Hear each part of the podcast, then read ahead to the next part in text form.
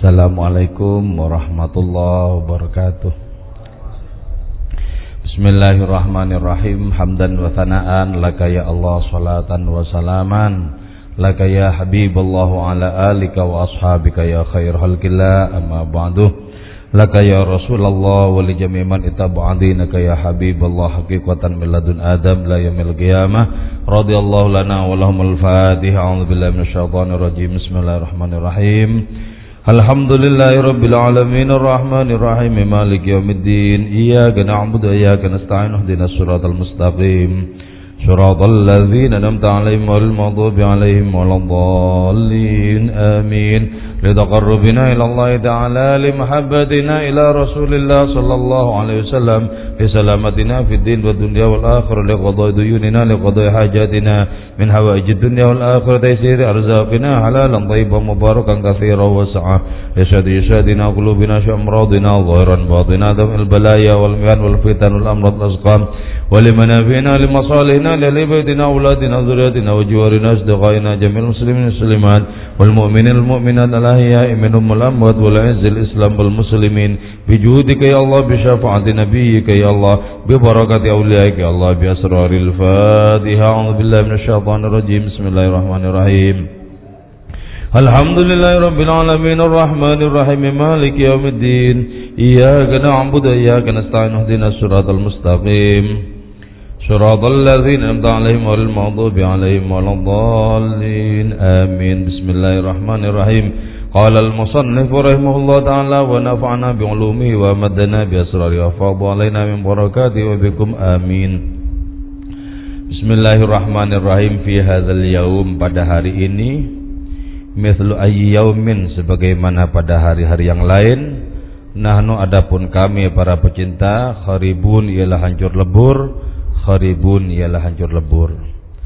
La nataharraru tidaklah merdeka kami minas sailid li banjir ila yaumil kiamati sampai hari kiamat. Ja'a datang dia ul qamar apa? Cahaya rembulan lailan di malam hari wa qata'a dan memenggal itu cahaya rembulan onokan naum kepada leher tidur.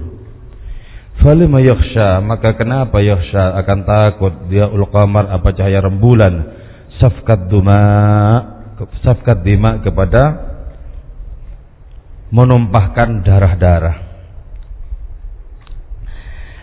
Logika ya, logika para pecinta itu adalah logika kehancuran. Kehancuran. Kenapa disebut kehancuran? Ya. Karena seluruh diri para pecinta itu sudah hancur lebur sebagai diri. Kemudian setelah hancur lebur sebagai diri, tegak sebagai kekasih. Musnah sebagai diri kemudian muncul dan eksis sebagai kekasih. Maka dirinya itu sudah hancur lebur berkeping-keping. Kalaupun ada itu sungguhnya adalah wujud kekasih dalam bentuk pecinta bagaimana ini kita terapkan kepada Allah Ta'ala ya saya tadi berangkat ke sana ke kamar mandi ya, muncul kalimat yang ingin saya tulis sebagai status. Cuman belum saya tulis ya. Yaitu betapa engkaunya segala sesuatu. Kalau tidak tentu tidak ada alasan untuk wujud untuk ada. Jadi ya, alam semesta ini termasuk diri kita betapa Allahnya sebenarnya. Kalau tidak karena alasan itu, maka tidak ada alasan yang lain untuk menjadi wujud, untuk menjadi ada. Apa coba alasan yang lain? Gak ada. Bukankah baik ketika kita masih merupakan roh maupun setelah menjadi kenyataan seperti sekarang, kita sungguhnya dikandung oleh Allah Ta'ala? Jadi kita tidak memiliki alasan untuk wujud selain kehendak Gusti Allah, selain kerasannya Gusti Allah. Gak ada. Maka ketika masuk ke dalam wilayah rohani yang seperti ini, sebagaimana para pecinta, kita akan mengatakan, anu kharibun, kami ini hancur lebur, habis sudah, tidak karu-karuan. Karena itu, la tadbirah lil asyik. Tidak ada keteraturan bagi seorang pecinta. Jadi keteraturan itu pun kalaupun ada, sebagaimana keteraturan hidupnya Rasulullah, itu pun sudah disetting, diskenario oleh Allah Ta'ala sebagai maha kekasih. Pada hari ini, sebagaimana pada hari-hari yang lain, kami hancur lebur, kami hancur lebur. Itu bagi orang yang hatinya sudah sepenuh-penuhnya bergelayut kepada Allah Ta'ala. Bagaimana caranya ya? Coba sebuah ayat di dalam Al-Quran cukup bagus untuk menerangkan bagaimana kita bisa merasakan hancur lebur. Itu ketika kita membaca kisahnya Nabi Musa dengan semangat kerinduan yang membara, beliau mengatakan, "Rabbi arini anzur ilaik." Tuhanku, Tolong dong kau perlihatkan dirimu kepadaku, aku akan memandangmu. Nah, Nabi Musa menggunakan bahasa aku engkau. Kalau bahasa aku engkau itu dipakai berarti masih ada dua entitas. Adanya aku, adanya engkau. Nah karena bahasa yang dipakai oleh Nabi Musa itu adalah aku engkau. Maka Allah tak berkenan dengan menyatakan Kolah lantarone Gak mungkin kau bisa lihat aku. Selama kau sebagai engkau dan aku sebagai aku, bagaimana mungkin kau bisa melihat aku? Rubahlah dirimu untuk menjadi aku, maka kau akan melihat aku. Sesungguhnya ya, bahasa aku engkau, kami, kita lain semacamnya itu adalah bahasa paling wadak, paling permukaan. Dan karena itu, ketika bahasa aku engkau itu dipakai dengan gempal, apalagi dengan emosional, terjadilah pertikaian. Dari mana datangnya pertikaian? Dari bahasa aku engkau yang terlalu yang terlalu yang terlalu diperjuangkan dengan dengan kekuatan emosi kita. Coba ketika luruh, ketika aku adalah engkau dan engkau adalah aku, bisakah kita bertarung, bertikai? Ya nggak bisa. Bagaimana mungkin orang bertikai dengan dirinya sendiri? Ya mungkin ya. Jadi pada hari ini, sebagaimana pada hari-hari yang lain, kami adalah hancur lebur, kami hancur lebur. Walakin zur ilal jabal, firman Allah. Tapi lihat aja coba gunung itu, ay jabali wujudika. Pandanglah gunung wujudmu. Fa ini makan fatarani. Kalau nanti gunung itu berada pada tempatnya sebagai gunung, sebagai dirinya sendiri, kau akan menyaksikan aku. Tapi ketika Nabi Musa menyaksikan jasadnya sendiri, dia tidak menemukan dirinya sendiri yang otonom. Dia menemukan apa? Dia menemukan kehadiran Allah. Itu yang disebut dengan hancur lebur. Saksikan diri kita. Kalau kita menemukan kemahaan Allah sehingga kedirian kita yang otonom terhempas, maka di itulah gugur bahasa aku engkau. Dan ketika gugur bahasa aku engkau, maka kita menjadi hancur lebur karenanya. Oh enggak usah jatuh cinta kepada Allah ya. Jatuh cinta kepada perempuan saja hancur lebur, babak belur hatinya. Ketika diputus itu ya. Babak belur. Apalagi jatuh cinta kepada Allah, kepada Rasulnya, apa tidak makin babak belur? Jangan kan? Babak belurnya jatuh cinta kepada perempuan yang diputus itu, itu menciptakan luka yang terus menganga dan mendalam. Dan itu sangat tidak enak sepanjang masa. Tapi jatuh cinta kepada Allah, kepada Rasulnya, menciptakan luka. Itulah luka paling nikmat sepanjang kehidupan umat manusia. Jadi karena itu haribun, orang-orang yang hancur lebur itu justru adalah orang yang sampai kepada puncak kenikmatan. Ketika penderitaan itu mencapai sempurna, itulah hakikat kenikmatan. Karena itu kalau menderita nggak usah tanggung-tanggung. Jadi sekalian masuki ke kedalamannya. Nanti di situ akan ketemu dengan kebahagiaan yang paling sempurna. Dan karena itu tidak boleh takut terhadap penderitaan. Kita diajari oleh Maulana Rumi di awal-awal bait Rubaiyat ini ayyadul wusah in kanat indakil jur'ah fata'alai wahai duka cita kalau kau punya nyali datanglah kemari bertarung dengan aku. Jadi pecinta itu begitu. La nataharrar minas sail. Kami tidak bisa merdeka dari banjir. Jadi para pecinta itu berada dalam banjir bandang ilahi. Ke mana banjir itu mengalir? Sampai hari kiamat mengalir banjir itu. Banjir bandang ilahi. Ketika orang-orang yang akalnya waras takut terhadap banjir, takut terhadap penderitaan, para pecinta justru menikmati banjir itu, menikmati penderitaan itu. Mereka bilang, siapa yang mengatakan ini adalah kepedihan? Tidak, itu hanya karena belum pernah digertak oleh cinta yang sesungguhnya. Banjir ya. Nah, kita bisa masuk dalam banjir bandang ilahi itu ketika kita sudah tidak memiliki rasa kagum kepada diri sebagai entitas. Jadi, bebaskan rasa kagum kepada diri sebagai entitas yang dimotori oleh nafsu amarah.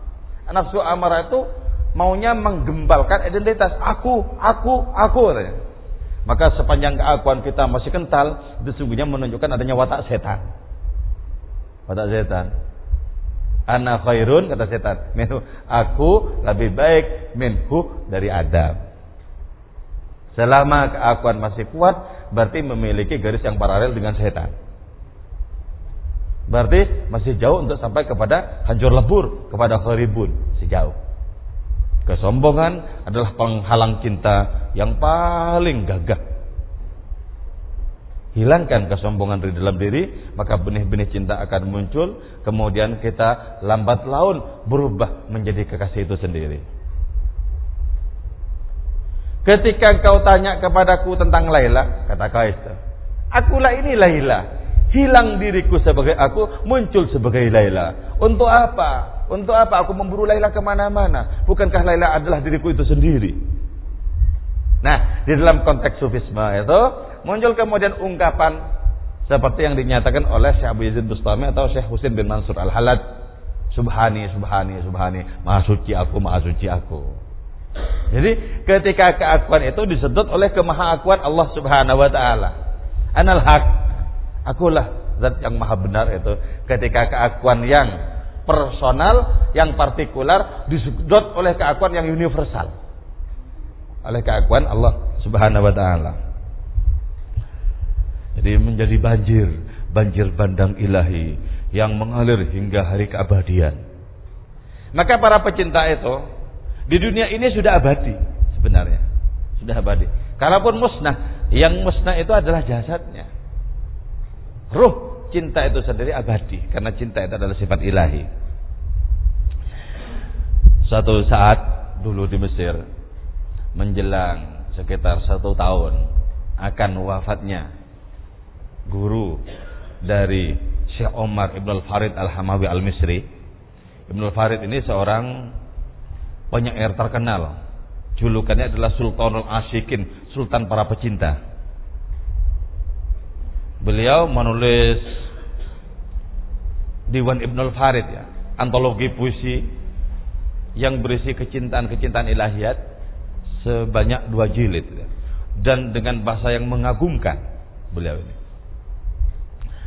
Nah, ketika sekitar satu tahun sebelum wafatnya gurunya Ibnul Farid di Mesir itu, dari jarak yang jauh, si guru ini kemudian bilang, Umar pulang aku akan menghadapi kematian.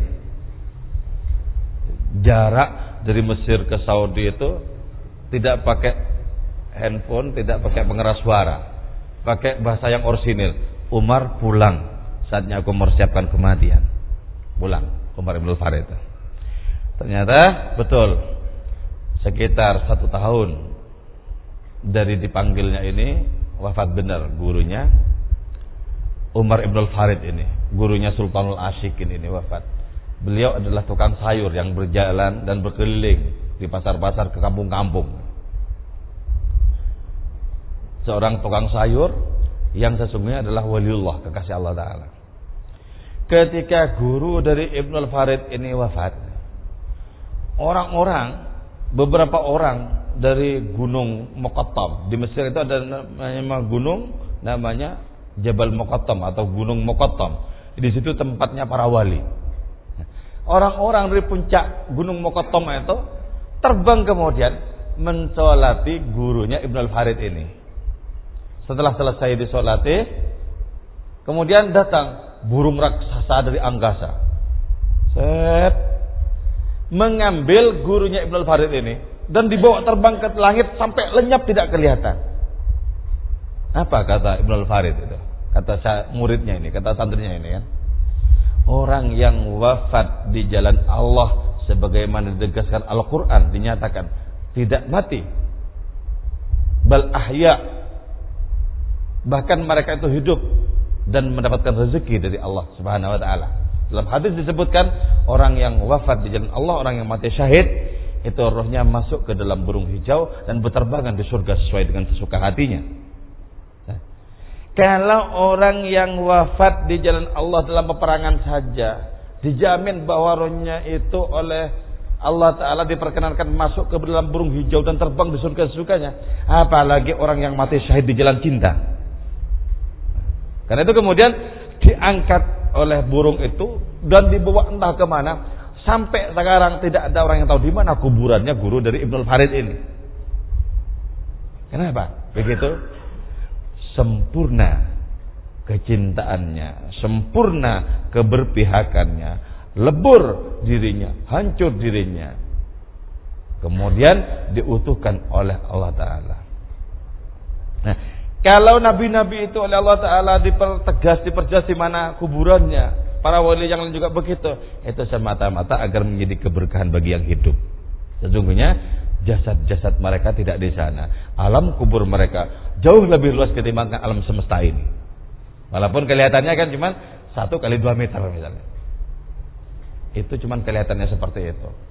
Tapi sesungguhnya alam barzah itu adalah alam yang lain yang keluasannya bagi orang-orang yang berbahagia di sana itu jauh lebih luas dibandingkan dengan alam semesta yang kita huni sekarang ini.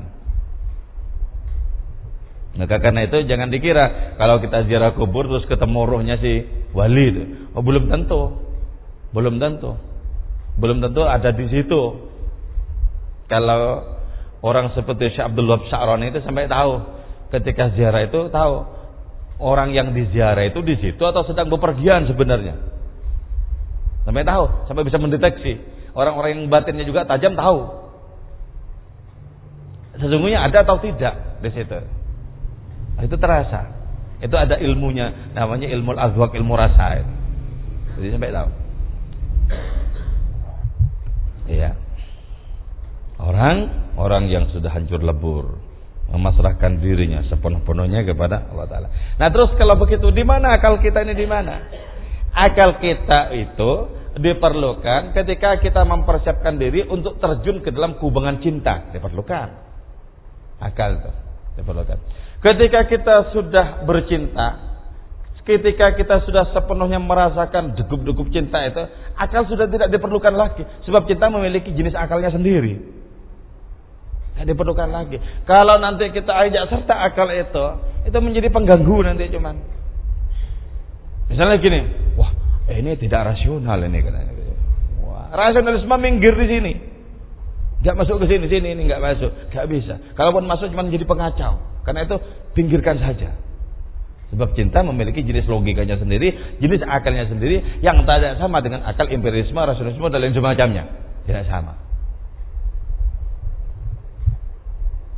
Jadi orang-orang yang jatuh cinta itu masuk dalam banjir bandang ilahi, kemudian hanyut sampai hari keabadian kelak. Maka mereka bertindak apa pun, itu sesungguhnya cuma atas nama satu, atas nama kekasih. Dan karena itu kemudian tidak ada pamrih kepada apa pun. Jangankan pamrih dunia, pamrih akhirat nggak ada. Nggak ada. Wa ma as'alukum alaihi min ajr in ajriya illa ala rabbil alamin. Nggak ada pamrih. Karena itu gini ya. Kalau orang ngisi ceramah ya masih berpikir tentang amplop, itu sebenarnya batal secara tauhid. Batal. Apalagi secara cinta, habis nggak ada apa-apanya. Nggak ada apa-apanya. Sebab apa? Masih ada hitung-hitungannya dengan makhluk. Sementara para pecinta itu tidak ada hitung-hitungan dengan makhluk. Tapi dengan Allah Maha Kasih. Wong berjumpa dengan Allah Ta'ala itu tidak bisa ditukarkan dengan kenikmatan apa pun di dunia dan di akhirat kok. Bagaimana mungkin para pecinta itu masih melirik segala sesuatu yang tidak bermakna, yang sepele, yang tidak berarti? Gak mungkin. Gak mungkin pandangan. Nah itu yang kemudian diungkapkan oleh Qais kepada Laila. Lemparan batu darimu kekasihku jauh lebih kurindukan ketimbang senyuman seratus perempuan yang lain. Ya. Sampai bisa terapkan dengan dengan kekasihnya. Dilempar beneran apa enggak kabur?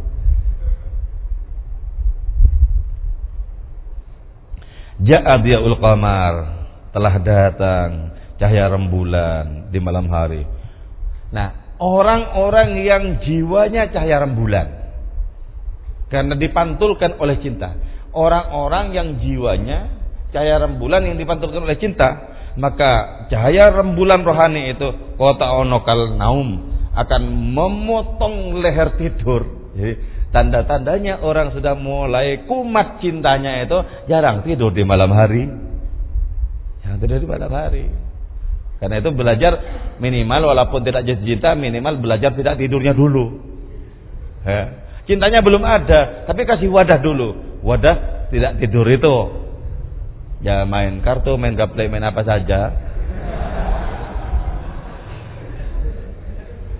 Yang penting tidak tidurnya dulu dilatih. Nanti kalau kira-kira sudah kuat, dimunculkan cintanya. Yang penting sesungguhnya ya Allah, aku main kartu ini sebenarnya untuk mengakali diri sendiri agar walaupun sejenak bisa bercumbu rayu dengan engkau. Jadi, itu loh. Jadi yang itu yang disebut dengan mujahadah dengan main kartu ya. Gak apa-apa. Ketimbang mau tidur sore-sore mau tidur, sore mau tidur, cari cara apa saja Hari apa, apa saja. Jadi orang-orang yang jiwanya adalah cahaya rembulan rohani, maka dia akan memotong leher tidur itu dipotong. Biasanya apa? Padahal biasanya itu tidur itu yang memotong orang biasanya. Dengarkan itu kata Maulana Rumi itu. Orang-orang yang sedang mendengkur seperti sapi yang sedang disembelih. Jadi tidur di malam hari dengan mendengkur, suaranya seperti sapi disembelih. Kok, kok. Orang-orang seperti itu jauh dari taman-taman cinta. Gitu. Falima yaksha di'ul qamar safkadda dima.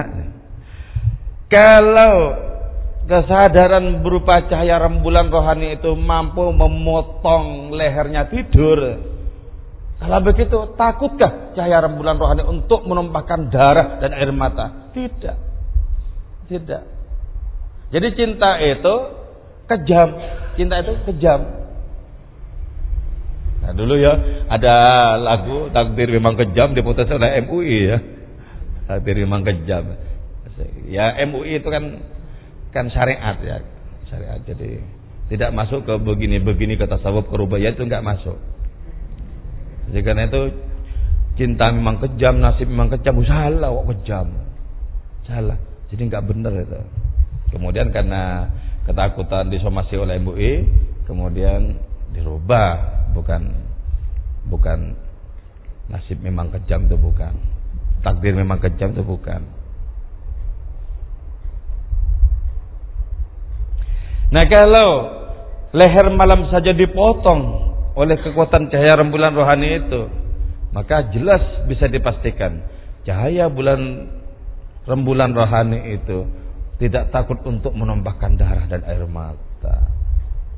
Karena itu keseluruhan diri nasib diri seorang pecinta itu dikorbankan untuk kekasihnya. Di pagi hari para pecinta ilahi yang sering kali begadang itu kelihatan pucat. Kata orang-orang yang berjumpa kau sedang sakit ya Orang yang disapa ini kemudian tertawa batinnya. Sakit apa? Aku lebih sehat ketimbang seratus engkau. Wajah yang pucat karena begadang menanggung cinta itu, itu bisa membuat pudar cahaya matahari dan rembulan di langit sana. Bahkan matahari itu menjadi malu di hadapan wajah-wajah yang pucat karena menanggung cinta. Ya, kita tumbuhkan. Kecintaan-kecintaan transenden kita tumbuhkan. Allah Allah Allah. Nanti apa semuanya kelihatan Gusti Allah. Mana makhluknya coba? Kelihatannya Gusti Allah. Allah Allah. Betapa engkaunya. Di saat ini ya Allah aku tidak pernah memburumu. Bagaimana mungkin aku memburumu? Wong setiap apa yang aku saksikan adalah engkau semata. Aku tak pernah memburumu ya ilahi. Kemudian banyak kemudian rahasia-rahasia ilahi itu dihamburkan oleh Allah Ta'ala bagi orang-orang yang seperti itu. Kalau orang yang seperti itu tidak dianugerahi kesadaran untuk menahan, maka kata-katanya akan dianggap ngawur semua. Ada kekasih Allah Ta'ala sering kalian bilang begini, kau jangan guyonan ya Allah, kau jangan guyonan loh. Jadi dia seolah-olah sama kawan-kawannya sendiri. Masa kau guyonan terus? Jadi, itu kenapa menyaksikan segala sesuatu yang tak tertampung oleh akal pikirannya sehingga muncul sebagai suatu humor, sesuatu yang lucu. Ah, kau mau berguyonan terus ya gimana? Ada banyak macam-macamnya orang wali ya. Ada yang tercengang-cengang terus Gusti Allah taala sehingga tidak ada senyum, tidak ada apa-apa dari bibirnya. Allah Ta'ala didatangi dari berbagai macam pintu dan lahir beribu macam ekspresi dari para aulia itu. Fi hadzal yaum pada hari ini mithlu ayyaw yaumin sebagaimana pada hari yang lain. Nahnu kharibun kharibun kami hancur lebur kami hancur lebur. Diulangi lagi oleh Maulana Rumi bait yang tadi dibaca diulangi lagi. Hari ini sebagaimana hari-hari yang lain kami hancur lebur. Karena itu fala taftah babat tafkir tolong jangan dibuka pintu akal pikiran. Jangan dibuka. Itu menjadi pengacau itu jadi ada kalanya akal pikiran itu sebaiknya nggak usah dipakai ah, mundur kamu mundur ini bukan tempat mau mundur ini tempatnya orang-orang yang jatuh cinta dan kau tidak punya bakat untuk jatuh cinta mundur mundur karena itu dalam diri kita, logika hitung-hitungan itu harus dibuang. Buang logika hitung-hitungan itu. Para pecinta ditakdirkan untuk jauh dari hitung-hitungan. Ayo. Jangan dibuka. Pintu akal pikiran jangan dibuka. Wa amsik berebab. Buanglah akar pikiranmu, peganglah rebab, peganglah flute, peganglah gitar, peganglah alat musik, pegang apa saja yang buatmu menari-nari Akal pikiran buang. Sekarang waktunya berdansa. Akal pikiran dibuang. Sekarang waktunya bernyanyi. Akal pikiran dibuang. Sekarang waktunya berdendang. Buang itu buang. Buang. Dia jatuh cinta. Jatuh cinta yang tidak bisa sepenuhnya untuk dimasuki oleh akal pikiran. Dan karena itu akal pikiran harus diminggirkan. Minggir, minggir, minggir. Kau anak kecil. Minggir. Kecil. Jangan ikut rembukan orang-orang tua ya. Sana. Ya, ya. Coba ya terbangan Allahumma sholli ala Muhammad. Ya Rasulullah hijina li ziyaraka sidina naradaji minkas الشفاعة عند رب العالمين. يا رسول الله اجئنا لزيارة سيدنا نرتجي منك الشفاعة عند رب العالمين. يا جمالا قد تجلى. بالمشارق والمغارب مرحبا أهلا وسهلا. بك يا خير الحبائب يا رسول الله اجئنا لزيارة قاصدنا نرتجي منك الشفاعة عند رب العالمين. مرحبا أهلا بشمس. خافيات فيها الكواكب. مرحبا أهلا بشمس. قد مهد كل الغياهب يا رسول الله جئنا لزيارة قصدنا نرتجي منك شفاعة رب العالمين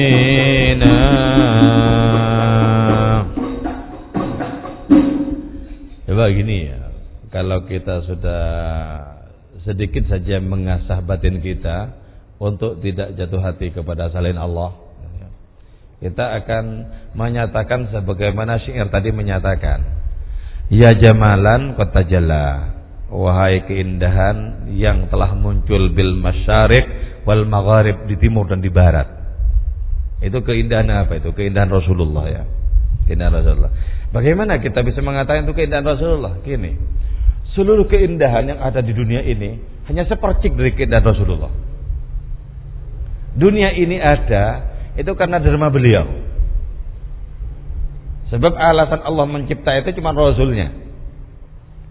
Maka seluruh keindahan yang ada, termasuk keindahan dan ketampanan Nabi Yusuf itu, adalah bagian dari keindahan Rasulullah.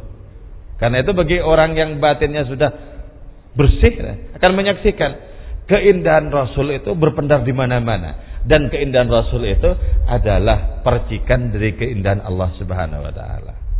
Coba kalau sudah begitu cara penglihatannya, mana keindahan yang bukan Allah, mana keindahan yang bukan Rasulullah? Kalau sudah begitu cara penglihatannya. Jadi ternyata alam semesta ini memiliki lapis-lapis yang perlu kita tembus dengan penglihatan batin kita. Kalau kita bisa menyaksikan hakikat segala sesuatu, tentu kita akan sampai kepada Allah lewat segala sesuatu itu. Mana? Wong segala sesuatu tidak memiliki dirinya sendiri kok. Akan sampai kepada Allah lewat segala sesuatu itu. Maka Nabi kita kemudian berdoa, Allahumma arinal asya kama hiya alaih. Ya Allah perlihatkan segala sesuatu sesuai dengan hakikatnya. Tolong perlihatkan dong. Jadi ketika kita sudah menyaksikan hakikat segala sesuatu, maka yang ditemukan Allah. Kalau begitu kita katakan, lah ternyata yang dicari-cari dari dulu, mencoba memejamkan mata, melatih husuk dan semacamnya, ternyata muncul di mana-mana kayak gini. Karena itu ya, ada yang kemudian mengungkapkan, ya Allah, ya, kalau awal dan akhir adalah Engkau. Kalau awal dan akhir itu adalah Engkau. Kalau engkau yang diburu ternyata sesungguhnya berada di sini dan kini. Untuk apa sebenarnya aku sampai gila memburu kema memburumu ke mana-mana? Kalau engkau tak terpisahkan dari segala sesuatu. Kalau engkau lebih dekat kepada segala sesuatu dibandingkan dengan dekatnya apa pun kepada sesuatu itu. Lah, untuk apa? Kemudian kami belajar husuk, konsentrasi yang baik, belajar merasakan untuk apa ini sebenarnya? Nah, di situ ya. Masuk di pertanyaan seperti ini, terbentang rahasia luas tak terkira. Jadi makanya enak ketika orang sudah wusul sampai kepada Allah Taala itu enak, enak, tidak ada kenikmatan yang lain. Karena itu akal pikiran jangan sampai melampaui batas, sesuaikan dengan kapasitasnya sampai batasnya di mana sudah setelah itu. Ketika kita sudah merasakan kangen sama seseorang, kangen kepada apa saja, akal pikiran nggak usah ikut-ikut campur. Nanti akal pikiran di situ kalau ikut campur, cuma ngatur-ngatur tidak benar nanti. Mi'atu naw'in minas salat war ruku' was sujud. 100 macam salat, rukuk dan sujud. Liman yakunu jamalul habib mihraban lau. Hanya bisa bernilai bagi orang yang Allah sebagai kiblatnya sebagai mihrabnya. Karena itu para sufi bilang, kiblat umat manusia adalah Masjidil Haram. Kiblat kami adalah wajah kekasih. Orang-orang syariat menghadap ke Mekah sana baru sah sholatnya. Orang-orang hakikat menghadap ke mana saja menemukan Allah Ta'ala. Jadi Masjidil Haram sana hanyalah merupakan bagian dari mihrab, dari kiblatnya orang-orang hakikat. Orang-orang hakikat menemukan Allah Ta'ala pada apa saja. Orang-orang syariat baru merasa sah sholatnya kalau menghadap ke Mekah sana. Kiblat orang-orang adalah tanah haram. Kiblatku adalah wajah kekasihku.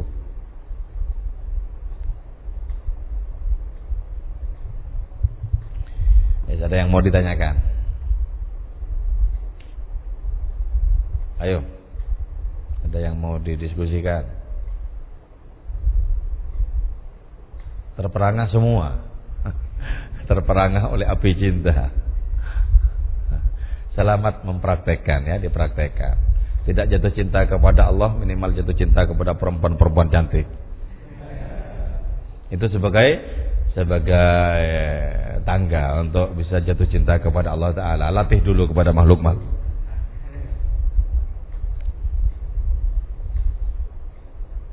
Ada yang mau ditanyakan? Gak ada ya.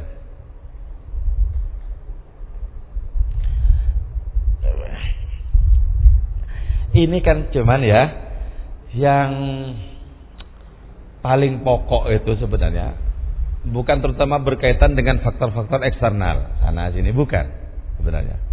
Kita bisa menemukan Allah merasakan Allah jatuh cinta kepada Allah Taala itu yang paling pokok untuk kita kelola sini sebenarnya.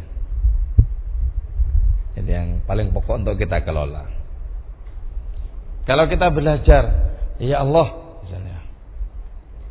jangan biarkan hati kami jatuh cinta kepada selainmu Ya Allah, jadikanlah hati kami putus asa kepada ampun selainmu. Ya Allah, jangan sampai ada pengharapan dalam hati kami kepada selainmu. Kemudian muncul benih-benih di dalam doa itu tadi. Itu sudah mulai apa? Mulai kita tidak tertarik kepada yang lain-lain. Ketika sudah semakin tak tertarik kepada yang lain-lain, ternyata kesadaran tentang Allah itu menguasai dirinya. Ketika kesadaran tentang Allah menguasai dirinya, maka memenuhi semuanya memenuhi semuanya. Bahkan ketika menggerak-gerakkan tangannya, ya, itu akan merasakan sesungguhnya yang bersentuhan langsung dengan gerakan itu adalah Allah Taala. Ketika senyum kepada sesama, memberikan pertolongan kepada orang lain, dia menemukan Allah Taala pada dua pada dua sisi sekaligus. Menemukan Allah dalam kesadaran dirinya, menemukan Allah pada orang-orang yang sedang dibantunya. Ya Allah, bagaimana engkau bisa berpendar pada dua dua arah yang berhadapan. Nah kalau begitu, apa sesungguhnya makna keanekaragaman ini apa kalau begitu? Makna keanekaragaman ini apa sesungguhnya? Bagi para pencinta keanekaragaman ini dilibas sudah. Dilibas. Engkau ya Allah muncul dalam berbagai macam bentuk.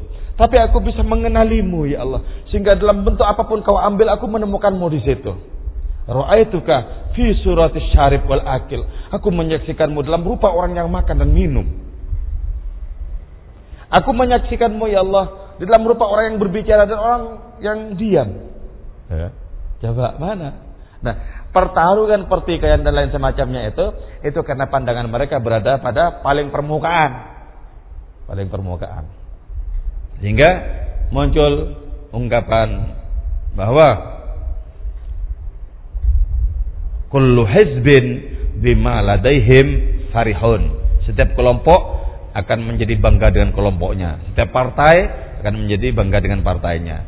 Setiap komunitas bangga dengan komunitasnya. Setiap torikoh bangga dengan torikohnya. Setiap pondok dan semacamnya itu. Itu masih ada dalam kondisi apa? Berada dalam posisi kullu hizbin bima ladaihim farihun. Para pencinta itu memiliki kekuatan untuk menembus berbagai macam batasan-batasan seperti itu. Tembus itu. Batasan tadi. Saking tajamnya. Kenapa? Karena pada saat yang bersamaan awal dan akhir itu berada di hadapannya. Engkau awal sekaligus akhir, engkau akhir sekaligus awal. Engkaulah yang sepenuhnya menampung seluruh titik kekinian Jadi kalau kita sudah merasakan seperti itu, maka ketika kita ruku, sujud, melakukan zikir dan lain semacamnya itu, kiblatnya cuma satu, wajah kekasih. andaikan bukankan aku tertarik kepada wajahmu ya Allah, tentu tidak akan kulakukan segala sesuatu ini. Untuk apa aku repot-repot karena itu? Toh juga tidak ada artinya. Jadi hubungannya itu, perjanjiannya itu, itu hanya dengan Allah Ta'ala sebagai satu-satunya kekasih. Itu sudah bebas dari apa? Maka ketika itu ya, surga itu tidak memiliki kekuatan untuk merayu orang seperti ini. Tidak punya kekuatan untuk merayu. Ketika diperlihatkan berbagai macam keindahan surga, dihadapkan kepada para pecinta, kau tertarik ini? Tidak, tidak. Mataku sudah tidak tertarik, tertarik kepada selain kekasih. Bahkan kalaupun itu berumrah surga sekalipun. Lewat, lewat. Bayangkan ya, kita yang masih senang kepada materi dan lain semacamnya itu. Coba, di mana tingkatan akal kita sebenarnya? Masih senang kepada pengakuan, sanjungan dan lain semacamnya masih memburu segala sesuatu yang artifisial, yang tak bermakna, memburu segala bayang-bayang, segala sesuatu yang akan lenyap. Di mana sesungguhnya posisi kita? Maka jadilah para pecinta, baru kita memiliki langkah-langkah keilahian yang sekali langkah itu melampaui kebaikan seluruh alam semesta. Sudah? Gak ada yang tanya kan? Ya, ya, ya, ya, ya. Hah? Ya? Rasa. Ini rasa itu kan sebenarnya buah dari hati ya. Dan hati kita itu satu. Ma ja'alallahu li rajulin min qalbaini fi jawfih. Hati kita semuanya satu. Karena itu kalau hati kita ini condong kepada selain Allah, maka rasa Allah tidak mungkin tumbuh. Tidak mungkin tumbuh. Rasa kita itu adalah rasa apa? Rasa makhluk-makhluk. Rasa makhluk-makhluk ini ini ini rasa makhluk-makhluk. Karena itu banyak kemudian orang itu lebih bergetar menerima rezeki, menerima karunia Allah taala dibandingkan dengan menerima kehadiran Allah itu sendiri. Jawab mana yang lebih bergetar? Kita mendapatkan kiriman, kita mendapatkan karunia yang besar dengan kita sholat, bergetar menerima itu. Padahal sholat itu berhadapan dengan Allah. Bagaimana mungkin kalah menarik dibandingkan dengan karunianya?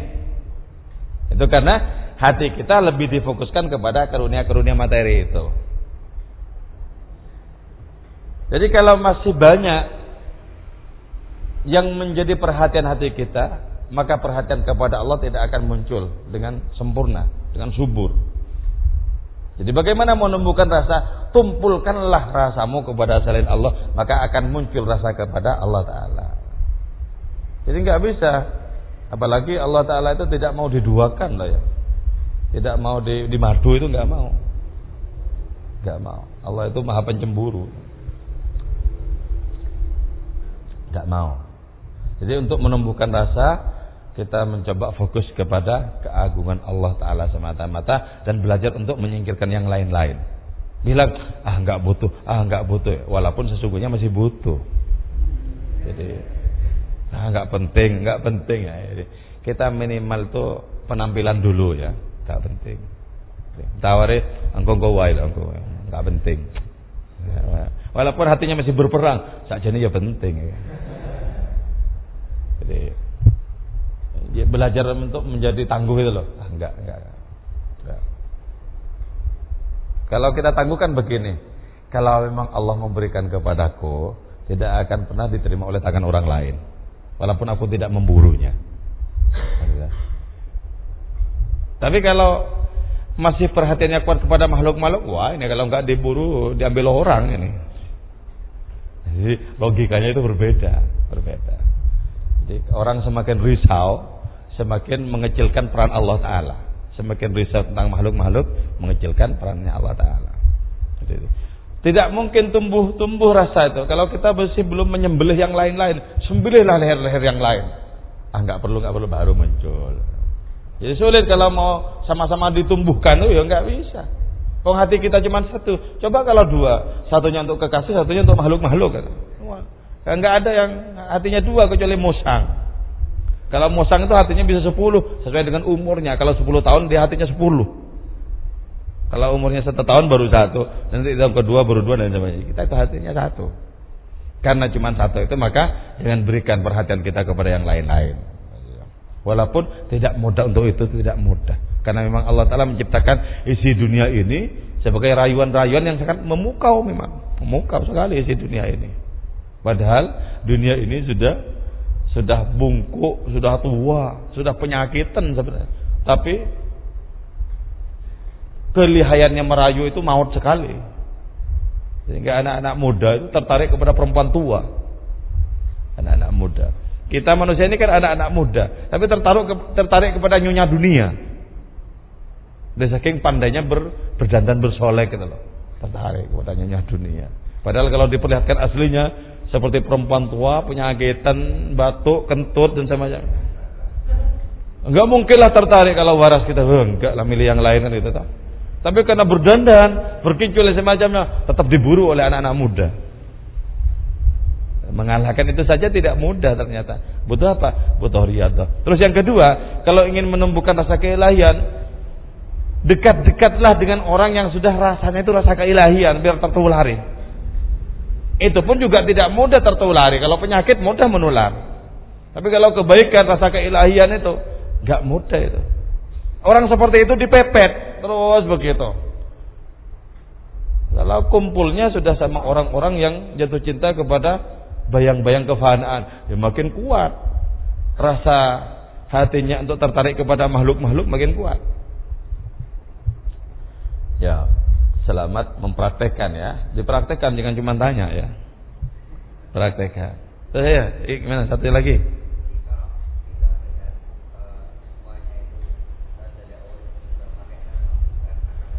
Pakai pakai rasa. Akal nggak bisa. Akal cuma mengantarkan tok. Mengantarkan. Pakai rasa. Jadi bergerak apa saja itu, rasanya rasa Gusti Allah. Rasanya rasa Gusti Allah. Nanti ketika sampai kepada rasa seperti ini, maka akan mengatakan Walidzalika alimtu man yaltazu bihi wa man yata'allam. Karena itu ya Allah, aku lantaran karuniamu kau beri aku pemahaman bahwa aku paham sekarang siapa yang merasakan nikmat, siapa yang menderita. Kalau makhluk-makhluk tidak punya dirinya sendiri, kenikmatannya sesungguhnya bukan kenikmatan makhluk itu. Penderitaannya juga bukan penderitaan makhluk. Tapi kalau memang kenikmatannya bukan kenikmatan makhluk, penderitaannya bukan penderitaan makhluk, kenapa makhluk itu yang mengerang? Aduh, aduh, aduh ya. Nah, di sini loh. Sirrul Qadar itu sangat menganga di sini. Rahasia takdirnya Allah Taala itu berpendar-pendar menyala-nyala di mana-mana. Itu yang terlarang untuk disampaikan untuk tidak mengacaukan orang-orang yang masih berada dalam proses perjalanan menuju hakikat. Ya pakai rasa, tetap pakai rasa. Setinggi-tinggi ilmu itu adalah ilmu azwak, ilmu rasa. Itu paling tingginya ilmu. Usuluka ilallah, usuluka ilal ilmi bihi. Sampaimu kepada Allah adalah sampaimu kepada merasakan Allah. Itu baru disebut sampai. Kalau tidak, fajalla rabbuna ayat tasila bi syai'un aw yatasila huwa bi Kalau tidak ya Allah Maha agung untuk menyatu dengan sesuatu atau tersentuh oleh sesuatu. Jadi kedekatan kepada Allah, keterhubungan dengan Allah, wusul sampai kepada Allah tidak ada hubungannya seperti tangan dua ini dijadikan satu tidak gitu. Karena itu kan kan makhluk-makhluk benda itu kan. Gitu. Jadi sampai kepada Allah, sampai kepada merasakan Allah maksudnya. Oh alam semesta ini tidak terlepas dari kehadiran Allah. Rasa tetapan rasa. Maka orang yang rasanya lebih kuat itu berarti lebih merasakan Allah Taala. Rasa. Orang ya, kayak sampean itu ada minumannya, ada makanannya. Kalau rasa Allahnya kuat, ketika makan atau minum langsung merasa disuapi oleh kemurahan Allah. Karena itu kata Syekh Suhrawardi mengatakan, sholatku, eh, husukku ketika aku makan tidak kalah dengan sholatku ketika khusyuk melakukannya. Jadi sama. Jadi sama saja menghadap kepada Allah tidak hanya dalam konteks sholat, tapi dalam naik kendaraan dan semacamnya pasti Allah pakai rasa. Ada lagi? Ada lagi? Ayo. Ya, ya silakan.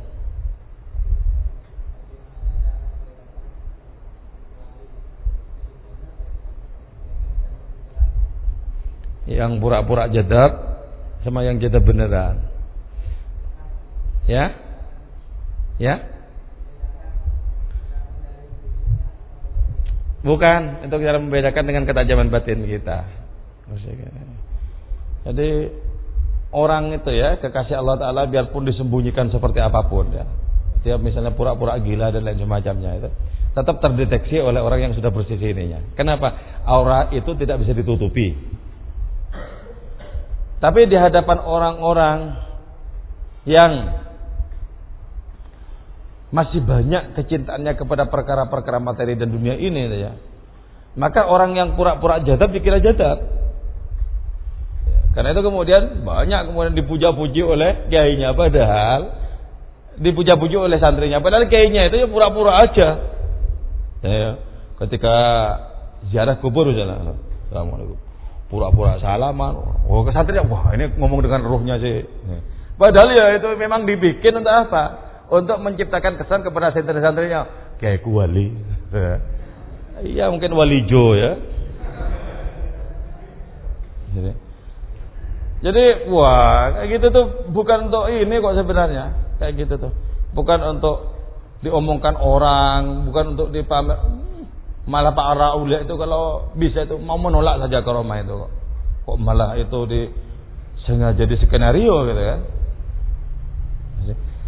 auranya itu berbeda. Kita mendekat kepada orang yang betul-betul bersih hatinya itu, itu memiliki getaran-getaran. Getaran-getaran.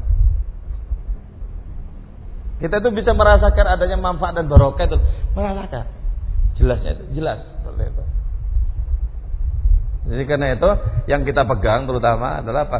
Syariat dan akhlak. Jadi kalau tidak bagus syariatnya, akhlaknya, walaupun itu kelihatan sejadat, nggak usah di ini diagung-agungkan.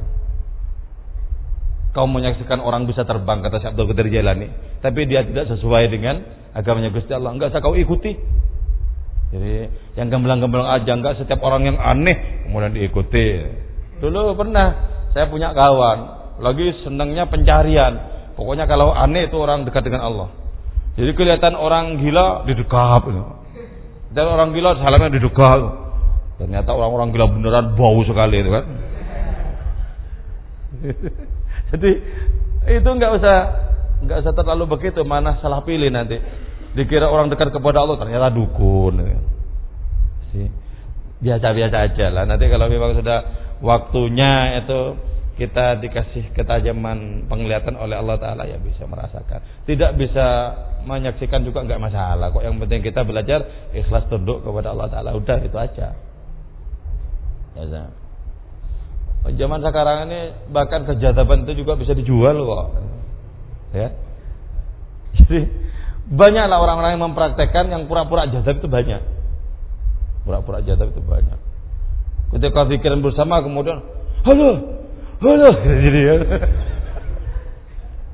ya nah, nggak usah lah itu bagian dari dunia sulap dan tipu daya ya. Nggak usah. Gitu. Makanya dulu ada orang suan ke rumahnya kiai. Kiai itu terkenal jadab. Ketika datang datang tamu, si kiai itu tidak gubris kepada tamu.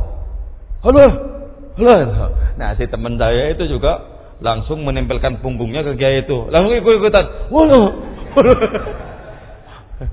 nah ketika si kiainya itu sadar atau pura-pura sadar, kemudian bilang, kenapa tadi ikut ikutan? Ya saya terpengaruh kiai. Jadi,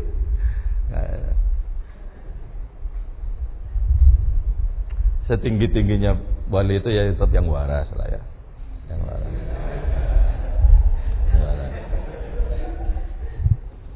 Sebab orang tidak ada satupun di antara para nabi itu yang jadab nggak ada. Waras semua. Kalau nggak waras gimana ngatur umat? Enggak bisa. Masa mau diatur dengan jazabnya? Para rasul itu waras semua. Wali-wali kutub ya waras semua. Waras semua. Ada lagi? Moga-moga perjumpaan kita ini manfaat barokah. Amin. Wassalamualaikum warahmatullahi wabarakatuh.